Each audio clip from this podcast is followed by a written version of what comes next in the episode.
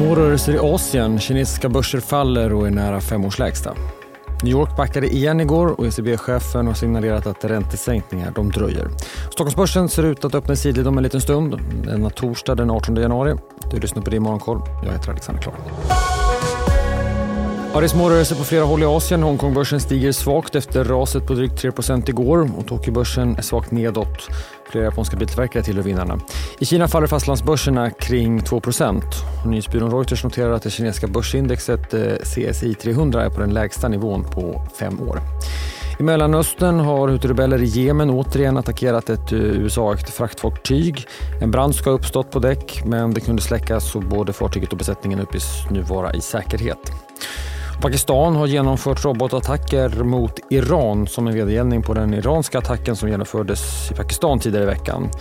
Iransk statlig tv rapporterar om att tre kvinnor och fyra barn dödats i attacken medan pakistanska myndigheter hävdar att det rör sig om ett antal terrorister som dödats. New York-börserna eh, föll igen igår när vi både fick eh, stark detaljhandelsstatistik och såg stigande räntor. Både S&P 500 och Nasdaq var ner drygt en halv procent. Bland de rapporterande bolagen så tappade nätbanken Charles Schwab 1% på sin delårsrapport. Aluminiumproducenten Alcoa steg något efter ett kvartal som visade på en mindre förlust än vad analytikerna hade räknat med. EBS-ägaren Tesla tappade 2% efter att man återigen kapat priserna på flera av sina modeller, bland annat här i Sverige men också på flera andra europeiska marknader. Vi såg flera nedskärningar inom techsektorn i USA i fjol. Nu säger Googles eh, VD Sundar Pichai att anställda ska räkna med fler nedskärningar i år men inte i samma omfattning som i fjol. Om vi vänder till Europa så sa ECB-chefen Christine Lagarde igår att förväntningarna om att ECB ska agera tidigt och sänka räntan inte direkt hjälper centralbanken i sin kamp mot inflationen. I Davos igår sa ECB-chefen att räntan sänks först i sommar, vilket är senare än vad marknaden prisat in. Sverige såg först om EQT som rapporterade precis. Det justerade resultatet var något lägre än väntat men beskedet om en utdelning på 3 kronor 60 öre var högre än analytikerna räknat med.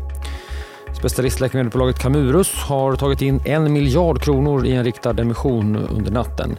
Teckningskursen landade på 545 kronor vilket innebär en liten rabatt jämfört med stängningen igår och en utspädning för de som inte var med i emissionen på 3,5 procent. Pengarna ska bland annat användas för att stärka bolagets förmåga att förvärva kommersiella tillgångar och utvecklingsprogram i USA heter det. Tittar vi på dagens agenda så är det ganska så tunt, men vi får protokollet från ECBs möte i december efter lunch och riksbankschefen Erik Thedéen talar under eftermiddagen.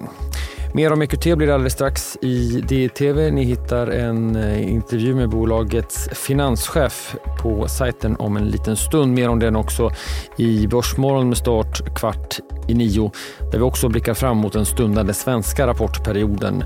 På tal om nätbanken Charles Schwab så imorgon rapporterar ju nätbanken Avanza dessutom TF Bank som blir högintressant efter resursvinstvarning tidigare i veckan. Vill ni inte titta på programmet, lyssna istället på Börsmorgon. Vi släpper den också som podd under förmiddagen. Det är Morgonkoll. Jag är tillbaka igen imorgon bitti. Vi hörs då. Jag heter Alexander Klar.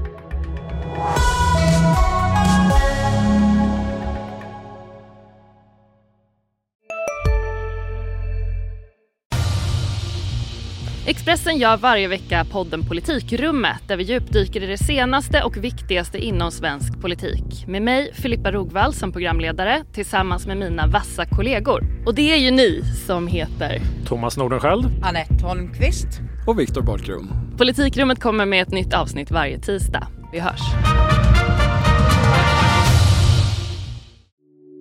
Hej, Ulf Kristersson här. På många sätt är det en mörk tid vi lever i. Men nu tar vi ett stort steg för att göra Sverige till en tryggare och säkrare plats. Sverige är nu medlem i Nato. En för alla, alla för en.